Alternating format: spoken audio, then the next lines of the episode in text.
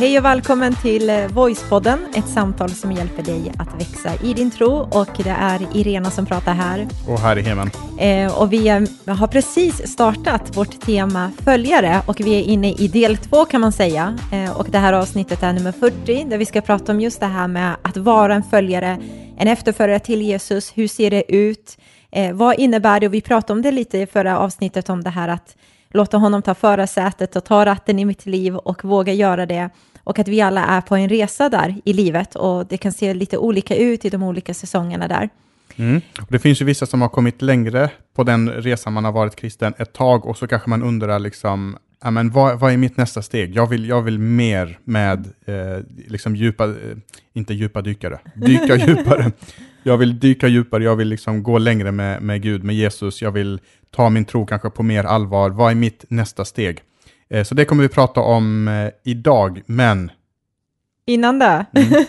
så ska vi alltid ta våra fantastiska recensioner och eh, vi finns ju på sociala medier på Instagram och eh, på iTunes har folk skrivit våra recensioner för det mesta, men nu så har folk börjat gå in på vår Facebook-konto, Voice Media där, och skrivit recensioner, vilket är så roligt och det ska vi lyfta fram. Och då är det en som heter Marianna som har skrivit så här, en fin podd med väldigt bra ämnen och två personer som är sköna att lyssna på. Inget hysteriskt, klämkäckt, utan lugnt och hoppfullt.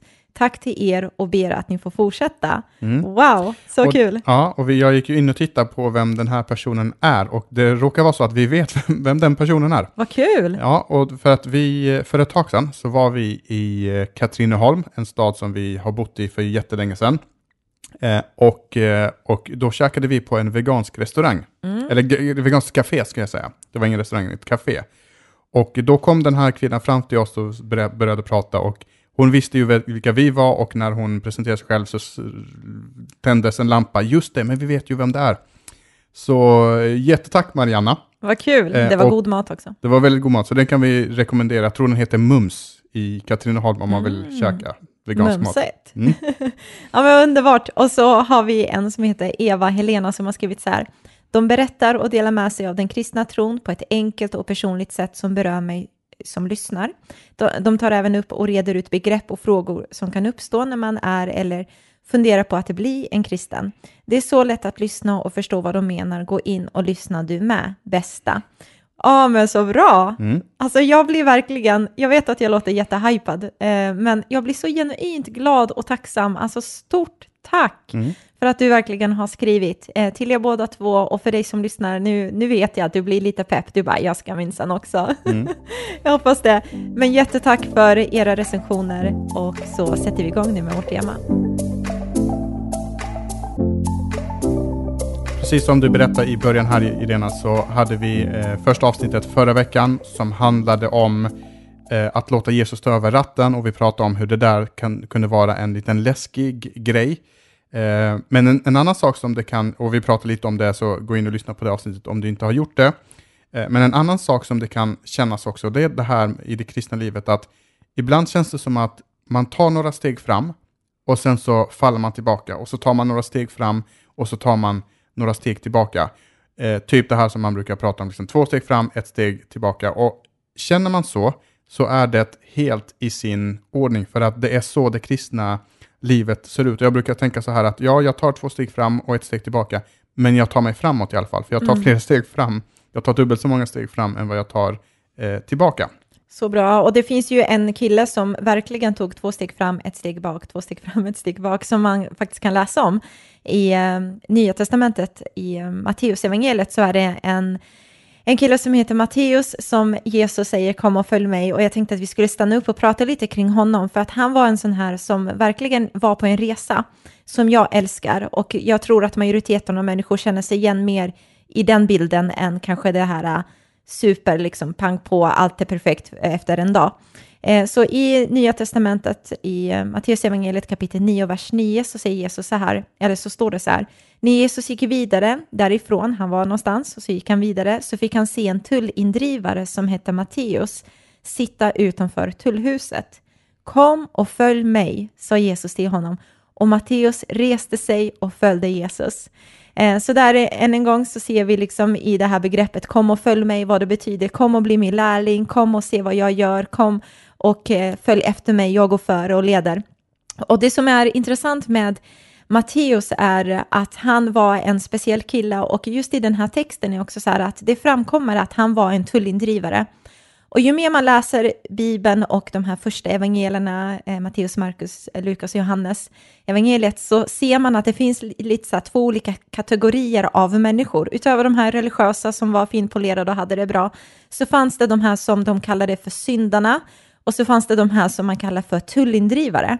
Och det man gjorde var att man tyckte ju att syndarna var ju en kategori eh, liksom för sig självt och man tänkte att ja, det är de här syndarna och de är hemska och allt och de behöver Gud. Men sen så fanns det något som var snäppet värre som inte ens liksom var värdiga i att vara med i den kategorin. Och då skapade man en egen kategori och det var ju för de här som var tullindrivare. Och dessutom var de syndare också. Mm. Så det var verkligen det värsta av det värsta i mångas ögon tyvärr. Och de två orden hittar man hela tiden tillsammans. Så det mm. står hela tiden tullindrivare och syndare, tullindrivare och syndare. Exakt.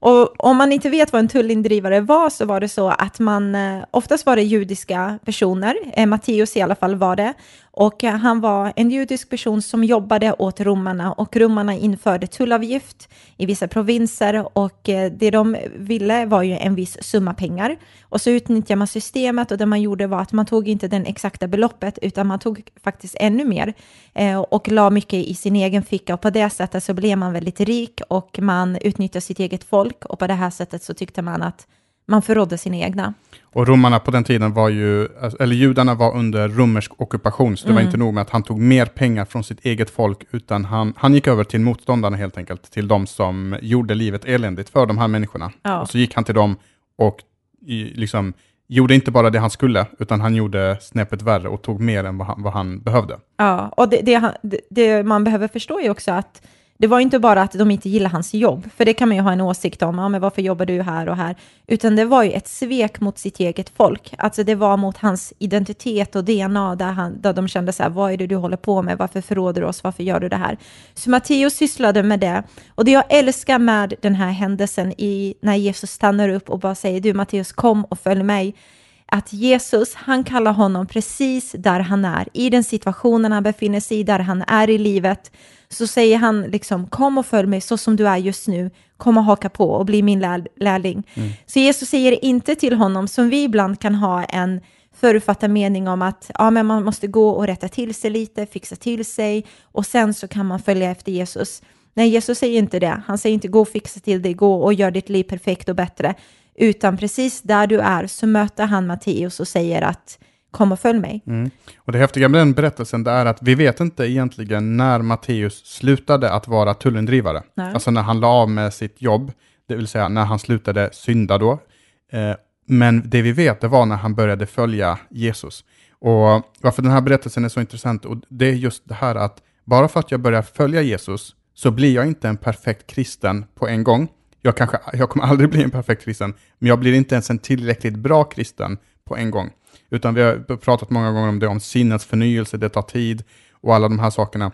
Och just därför så kan det kännas som att jag tar några steg eh, fram och, och ett steg eh, tillbaka. Mm. Eh. Och där så kan man, jag tänker om man känner igen sig lite i Matteus, inte att man kanske är sådär fullt ut som han, men där så kan man känna igen så här, men jag har tagit ett steg och bara wow, någons kommentar eller någons åsikt om mitt sätt att leva och vara har gjort att jag har ett steg bak nu igen.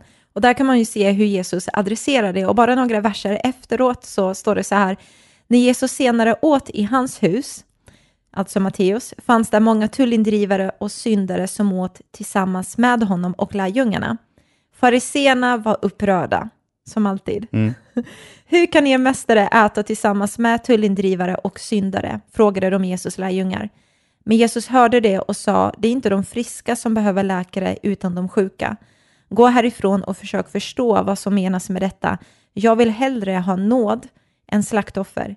Jag har nämligen inte kommit för att kalla rättfärdiga utan syndare. Just det. Eh, och det här säger ju Jesus till de här människorna som störde sig på Matteus, för att de såg på Matteus liv och tänkte, alltså varför låter du honom vara en del av ditt team? Mm. Varför får han vara med i ditt gäng? Ser du inte, ska du inte fördöma det som han håller på med? Men Jesus har ju ett helt annat perspektiv. Han vet att att, eh, att tron är en, en, en resa. Eh, och Jesus ger dem då den här, eh, liksom, eh, det här svaret att jag är inte här för att kalla rättfärdiga utan syndare. Och han säger det med vetskapen om att de här känner mycket väl till sina gamla skrifter där det står att ingen rättfärdig finns. Inte en enda finns som gör det rätta. Så det han säger är att jag, det finns ingen som är rättfärdig, utan mm. det är den här sortens människor, det vill säga alla människor som jag har kommit hit för. Ja, men så är det. Eh, och, och, och, det kristna livet handlar inte om att vara perfekt eller leva perfekt, ett perfekt liv, utan det kristna livet handlar om just tvärtom. Mm. Att inse att man inte är perfekt och just därför behöver jag Jesus. Just därför behöver jag ta emot det som Jesus kan erbjuda, det vill säga syndarnas förlåtelse, så att jag än en gång kan få en, en relation med Gud. Mm. Ja, men alltså det är en, en bild som vi skulle kunna prata om lite nu, är ju lite att tänka tillbaka på vår egen dotter. Eh, just det här med att man är inte perfekt direkt, utan man är på en resa. Och eh, som vi säger alltid, frälsningen, den är momental, kan mm. man säga så? Alltså det händer direkt. Så fort du säger ja, då är du Guds barn, du tillhör honom. Sen är vi på en resa av sinnets förnyelse och vi lär oss saker och är en lärling till Jesus. Men om vi tittar på vår dotter, alltså jag kommer ihåg första gången när hon tog sina steg, kommer du ihåg det? Mm. Du var ju väldigt ivrig med att få henne att börja gå tidigt. Det finns med på bild kan Tack jag säga också. Tack så jättemycket för det. Sen den dagen har vi inte kunnat vila. Men Alltså, vi kan ärligt säga liksom att första gången när vår dotter gick så var det ju inte helt perfekt. Nej. Utan det var ju stapplande och hon ramlade och hon gick upp igen och så gick hon två steg och så gick hon in i en vägg och sen så reste hon sig upp igen och så vidare. Mm. Eh, och det är lite, man skulle kunna säga det, det är lite det vad det innebär också att vara en följare. Du går upp där, du tar dina steg, du är en lärling till Jesus, du, du lär dig på resan, sen kanske man eh, liksom möter någonting, bara oj, ett steg bak, men jag reser mig upp igen, två steg fram tillsammans med honom. Mm. Eh. Och, och, där är vi egentligen alldeles, alldeles, alldeles för snabba att döma ut folk. Mm. Alltså tänk om man skulle till det här barnet då eh, säga så här att eh, oj, ditt barn kan ju, vad är det här? Kan inte ditt barn gå? Oj, nu ramlade den, oj, det där var inte alls mm. bra, liksom så här. Och, och liksom, ditt barn kommer aldrig kunna gå.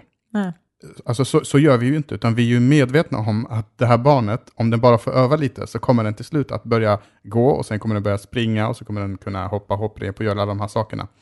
Eh, och likadant är det med, med tron, alltså att, att ibland så dömer vi folk lite för tidigt, eh, för därför att vi har varit kristna i 10 år, vi har varit kristna i 20 år och vi är där vi är på grund av hela vår resa. Men sen så vi, liksom, vill vi att någon ska komma på 22 dagar lika långt som vi har kommit på 22 år, mm. eller 22 månader, på, eh, ska ha kommit lika långt som vi har kommit på 22 år. Och det, det är helt orealistiskt, utan man måste verkligen lita på processen och, och, säga det viktigaste för det är, det är att du får bli en följare till Jesus. Ta mm. det här mm. steget, låt Jesus få eh, styra din, din buss, som vi pratade om i förra avsnittet. Då kan vi vara säkra på att det kommer ske en förändring i den takt som Gud vet är möjlig i den människans liv. Ja, verkligen. Och sen så tänker jag också den här relationen till Jesus, det är mycket viktigare än allt annat som du gör. Eh, och låt det vara nummer ett. Alltså, vi pratade mycket om det i förra avsnittet också. Just relationen till Jesus är målet. Låt han ta förarsätet och sen så gör ni en resa tillsammans där. Väldigt, väldigt, eh, väldigt bra sagt just det här att bara för att vi inte ser förändringen direkt så bara exar vi människor eller mm. liksom dömer ut. Låt oss aldrig göra det, för vi vet inte vad som pågår i en människas hjärta, vilka processer Gud eh, gör i den människa, vad den känner sig övertygad kring, utan låt oss vara kända för något annat än att döma, utan lyfta människor. Yes. Eh, och, men det som vi kommer prata om, eller det som är poängen med det här avsnittet, eh, och eh, som också är viktigt, men det känns bara viktigt att bara ta de här bitarna, att det vi kommer att prata om nu, det är inte en on-off switch, att nu är jag följare, nu är allt perfekt och nu är jag inte det, nu Nej. liksom så. Utan, men samtidigt så finns det människor som eh, lyssnar på det här, som finns ute runt om i vårt land, som kanske känner frustration. Eh, man vill göra mer, eller inspiration kanske man har hört det här budskapet om Guds nåd och det bubblar på insidan. Jag vill så gärna göra mer för Gud. Liksom, vad, vad är detta? Eh, vad är mitt nästa steg? Vad, vad förväntar Gud eh, sig av, av, mig? Vad vill Gud att jag ska göra? Eh, det tänkte jag att vi skulle bara ägna några minuter att prata om. Vi har ju det här stora temat som vi kallar för inkluderande andlighet i kyrkan vi har haft under hela höstterminen här som ett övergripande tema och Um, och det är just den här balansen mellan att man är ny och vill utforska och ta sina första steg och sen så finns det samtidigt att man kanske har varit troende länge och man bara känner en hunger och man vill mer, man vill utforska mer, vad, vad kan jag göra, vad är mitt nästa steg där? Eh, och jag tror, och vi båda tänker att man kan ha båda och. Båda två kan rymmas under en och samma tak. Eh, och det innebär också att, tänker jag, att du som har kommit längre och vill mer också ska känna att du får plats. Mm. Att, I alla fall i vårt sammanhang, att man inte behöver känna att ah, det är till en eh, viss nivå och sen behöver jag gå vidare. Eh, utan att man alla kan få plats och, och, det kan rymmas under en och samma tak. Mm. Eh, och jag tänker mycket på det här att man ska låta de som har Alltså om man är ny och man ser andra som är så här, ja men före och kanske jättepepp och vill mer, ja men låt oss liksom heja på dem som precis har börjat och låt dem som har gått före, låt oss bli inspirerade av dem som har kommit till längre, så att man ger och tar till, till båda lägren om man säger så. Just det. Eh, och det tycker jag är en, en väldigt viktig bit, just det här äh, liksom generositeten som kan finnas åt, åt båda hållen, att vi är alla på en resa och eh, det måste få ta tid, men de som är nya kan få inspireras, de som ja. har kommit längre kan få heja på de som är nya. Eh, och det tycker jag är en fantastiskt vacker bild. Men frågan är än en gång, eh, vad, liksom, eh, hur, hur, gör jag, hur tar jag det här vidare? Vad, vad är nästa, konkret. Precis, vad är nästa steg? Och det mest naturliga att tänka att mitt nästa steg är, det är att jag måste förkovra mig mer. Det är liksom, jag kanske ska gå på en bibelskola, vilket kan vara väldigt bra i många lägen. Eller jag måste bli professor i grekiska och dissekera vartenda grekiska ord, för om jag inte gör det så kommer jag inte veta vad den kristna tron handlar om. Jag tror inte Gud har gjort det så svårt för oss, utan Nej. det är väldigt enkelt att se vad det handlar om. Eller jag måste läsa Bibeln mer, jag måste be mer, jag måste gå till kyrkan mer. Alla de här sakerna, det är bra saker. Det är inte dåliga saker och vi ska göra alla de här sakerna.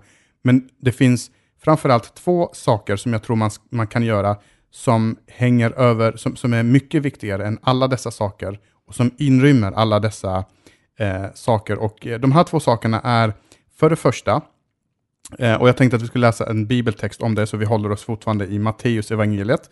tänkte att vi skulle läsa kapitel 4 och vers 18. Eh, och då står det så här att en dag när han vandrade längs Galileiska sjön, det vill säga Jesus, fick han se två bröder, Simon, som kallas Petrus, och Andreas. Eh, de höll på att kasta ut nät i sjön, för de var fiskare.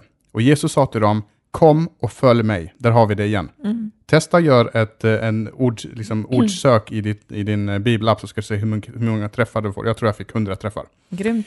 Eh, kom och följ mig så ska jag göra er till människofiskare. Så här säger Jesus, kom och följ mig och direkt efter så berättar han, men vad betyder det att följa Jesus? Jo, jag ska göra er till människofiskare och de lämnade genast sina nät och följde honom. Eh, och det är typiskt Jesus, att han pratar på en nivå där vi finns, med ett språk där vi finns. Eh, och de visste precis vad, vad, vad Jesus menade, därför att de hade ägnat hela, våra li, hela sina liv åt att fiska vanlig fisk. Det var mm. liksom deras yrke. Varje dag så vaknade de, gick ut på, till havs, eh, kastade ut sina nät och så fiskade de fisk. Och så säger Jesus att eh, det ni har lärt er där, jag kommer använda det ni har lärt er och så ska jag göra er till människofiskare. Mm. Och vad handlar det om? Jo, det handlar om att någonstans när vi får höra Guds nåd så kan det göra två saker med oss. Antingen så kan det göra det här, wow, det här var jättebra, mm, vad mysigt, oh vad bra. Liksom. Mm. Eller, wow, det här var så bra, alla måste få höra om det här. Mm. Och det är vad nästa steg i följarskapet handlar om. Det är nästa steget i vad det handlar om att vara eh, en, en följare till Jesus, att fler människor måste få höra om Jesus. Därför att om man tittar på, vad var det Jesus lämnade efter sig? Eh, eh, I form av, liksom, vad, det, vad, var det för uppdrag han lämnade efter sig? Vad var det för bud han lämnade efter sig? Då var det först ett uppdrag och så var det två bud som han lämnade efter sig. Och uppdraget, eh, det var när han säger så här att jag har fått all makt i himlen och på jorden. Eh, och då kan man undra, vad ska vi göra med den makten? Ska vi bygga stora katedraler? Ska vi göra häftiga gudstjänster? Eller vad är det vi ska göra? Det är det första. Han säger, jag har fått all makt i himlen eh, och på jorden. Gå därför ut och gör alla folk till mina lärjungar och lär dem allting som jag har eh, lärt er. Och mm. lär dem allt som jag har sagt. Så att vara en lärjunge handlar om att göra fler lärjungar. Att mm. fler måste få höra om det här. Och jag brukar säga det att, att det sista som en människa säger, typ när man är på dödsbädden, det är något av det viktigaste.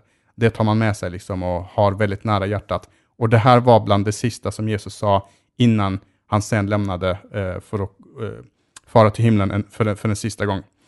Eh, så första steget handlar just om att, att eh, gå ut och göra alla folk till ens lärjungar. Och jag tycker att det är så supertydligt, för Jesus sa det och eh, det står tydligt skrivet där också.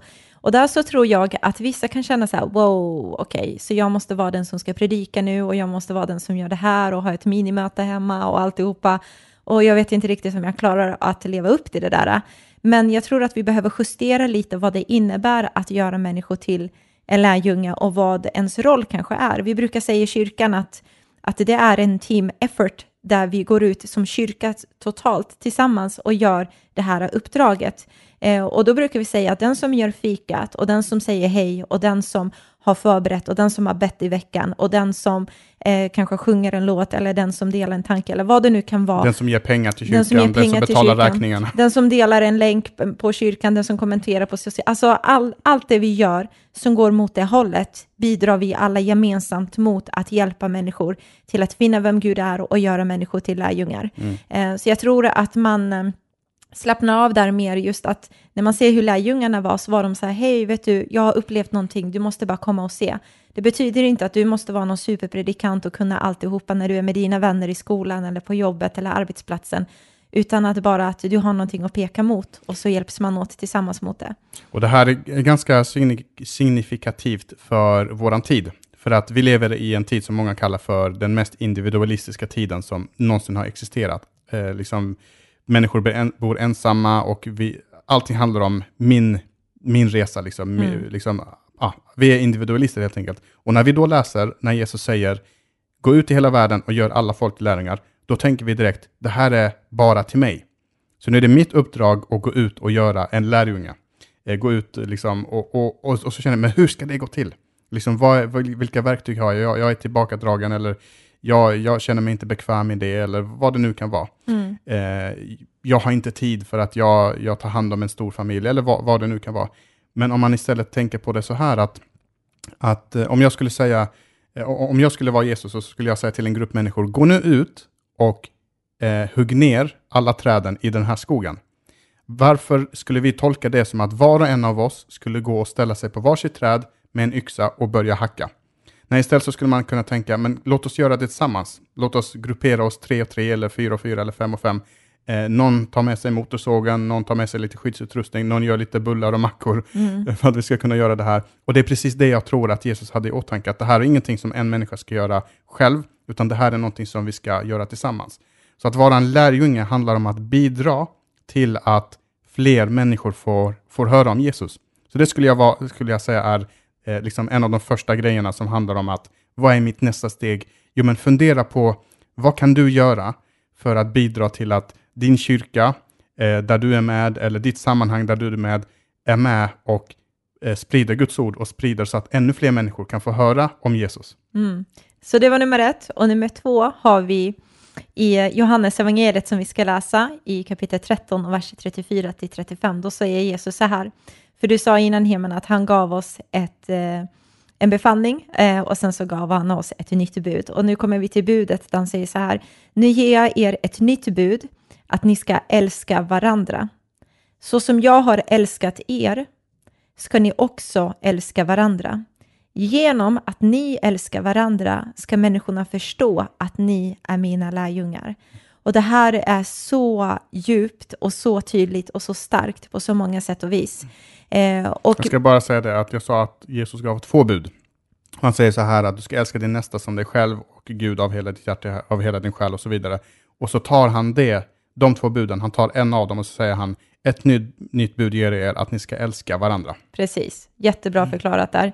Och när vi ser så tydligt här i att det är verkligen kärleken som är fokus, att vi ska älska varandra, eh, så låter det ibland lite för enkelt, för vi är så orienterade till görandet som människor. Så, men ge mig en lista Jesus, vad ska jag göra? Ge mig bara lite så här, äh, grejer som jag kan bara bocka av. Eh, säg mig bara vad jag ska göra. Och det är en väldigt tydlig liksom, eh, fråga som man har haft i alla tider som människor. Säg oss bara vad vi ska göra. Vad ska vi göra? Vad ska vi göra? Och så sen, det handlar inte om görandet, utan det handlar om att älska. Mm. Eh, och jag tänker så här att det är lättare att göra än att älska en person.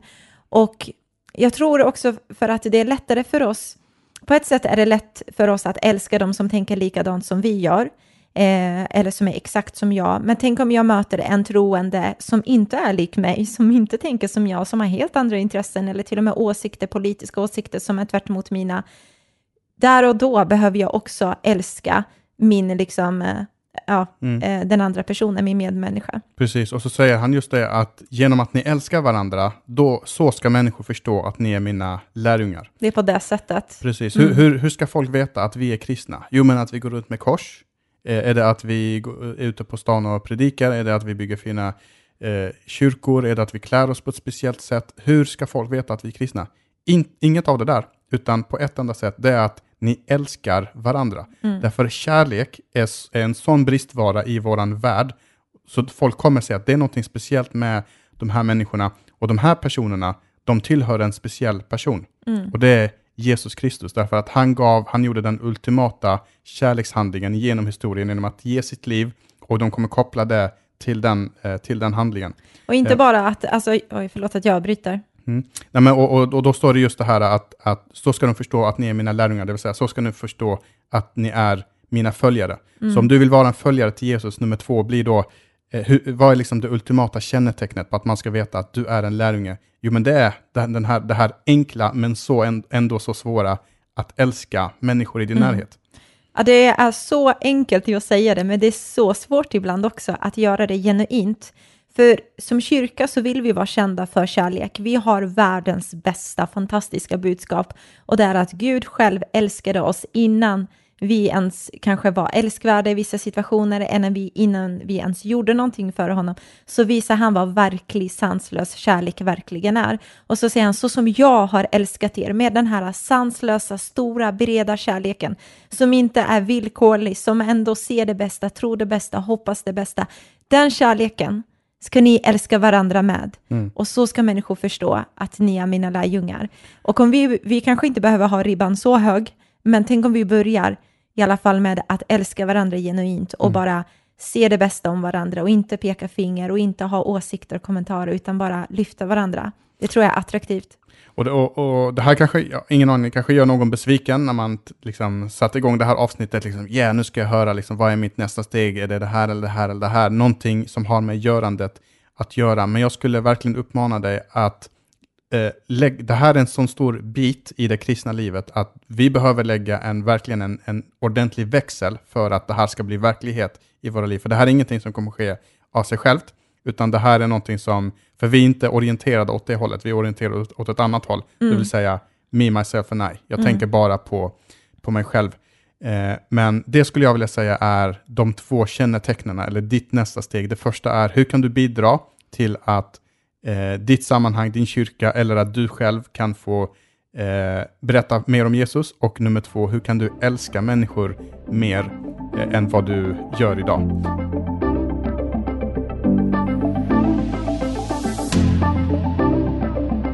Och nu så ska vi gå in för en liten sammanfattning där vi ska prata om, så vad handlar det om att följa Jesus? Och vi knyter det till förra avsnittet eh, där vi pratade om de här tre olika punkterna om att vad en följare innebär.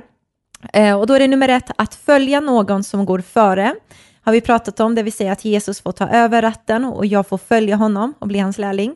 Nummer två är att bli en lärjunge, eh, vilket bygger på det här uppdraget att eh, göra andra till lärjungar och det visar sig i när vi älskar varandra, då kommer människor förstå att vi är hans efterföljare. Och nummer tre är att slå följe med någons parti eller grupp, det är vad grundtexten betyder. Och eh, det vill säga att man blir en del av en eh, lokalförsamling lokal församling och man slår ner sina rötter där. Så vart du än är i landet, eh, om du har en kyrka som du går till, eh, landa där om du känner att det här är en plats där jag får växa och blomstra och eh, slå ner dina rötter där och vara med och bidra på det sätt som du kan. Eh, så vi hoppas att det här var till inspiration, till uppmuntran till dig. Mm. Och nu har vi ju lagt en grund om vad ordet följare betyder och vad liksom nästa steget är för en följare och alla de här sakerna. Eh, och i kommande avsnitt så kommer vi ta det här vidare. Hur ser ett liv som kristen ut? Därför att vi har ibland dessa eh, liksom, utopier om vad ett kristet liv ska handla om, att allting ska bli perfekt, alla problemen ska lösa sig, liksom, allt ska bli bra, men det är inte så, utan att vara följare handlar om någonting helt annat, eller våra liv kommer se eh, eh, olika ut, men det kommer vi återkomma. Jag sitter och håller mig för munnen för att Nej, jag vi inte ska får inte säga avslöja. för mycket, men Nej. just det här, hur är man som en lärjunge när livet är tufft?